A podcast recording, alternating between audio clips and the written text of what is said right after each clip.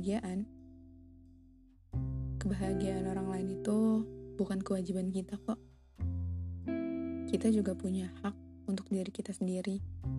Kita berhak punya ruang untuk diri kita sendiri. Kita berhak punya waktu untuk hanya diri kita sendiri. Kadang emang senang sih bisa jadi kebahagiaan buat orang lain. Tapi capek gak sih kalau selalu dituntut jadi alasan orang lain buat bahagia? Sedangkan bahagianya kita lupa kita perjuangkan. Mementingkan kebahagiaan diri kita sendiri itu gak berarti kita jadi acuh juga sih sama lingkungan. Kadang, belajar buat jadi bodoh amat juga penting. Kita berhak kok punya otonomi atas diri kita. Kita berhak melarang orang lain masuk ke dalam ruang yang kita ciptakan buat diri kita sendiri. Coba bayangin deh. Ceritanya, kamu adalah rumah. Di setiap rumah, pasti ada ruangan yang cuman bisa dimasukin sama orang-orang tertentu. Gak semua orang bisa masuk ke dalamnya. Kamu berhak memagari rumah kamu, memberikan sekat di setiap ruangan, bahkan membangun dinding tebal untuk mereka yang memang gak punya hak buat masuk ke dalamnya.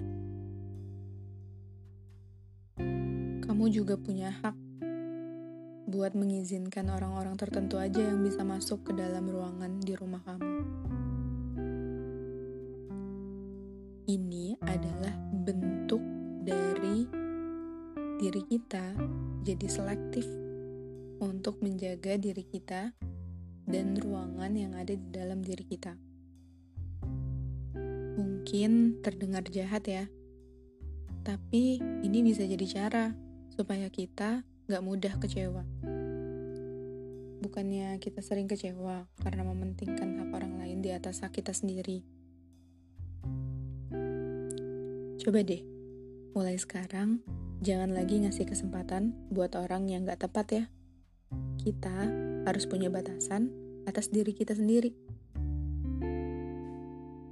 Kita perlu loh berbaik hati sama diri sendiri. Itu tadi caranya. Jadi selektif.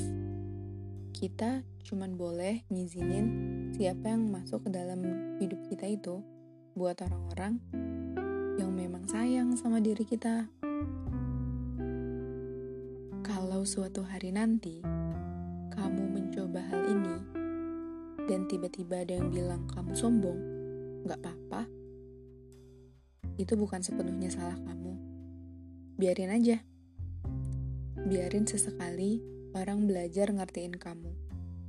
Gak selamanya harus kamu yang belajar ngertiin mereka, menghargai mereka. Mereka juga harus belajar menghargai kamu dan ngertiin kamu.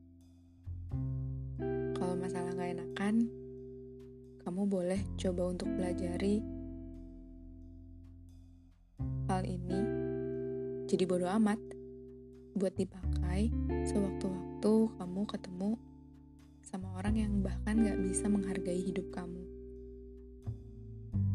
Yang gak bisa ngertiin diri kamu seutuhnya. Udahlah jangan mikirin orang lain terus kalau kamu pikir seseorang gak layak untuk masuk ke dalam ruangan dalam diri kamu, gak layak masuk ke ruangan dalam rumah kamu, jangan kasih dia masuk.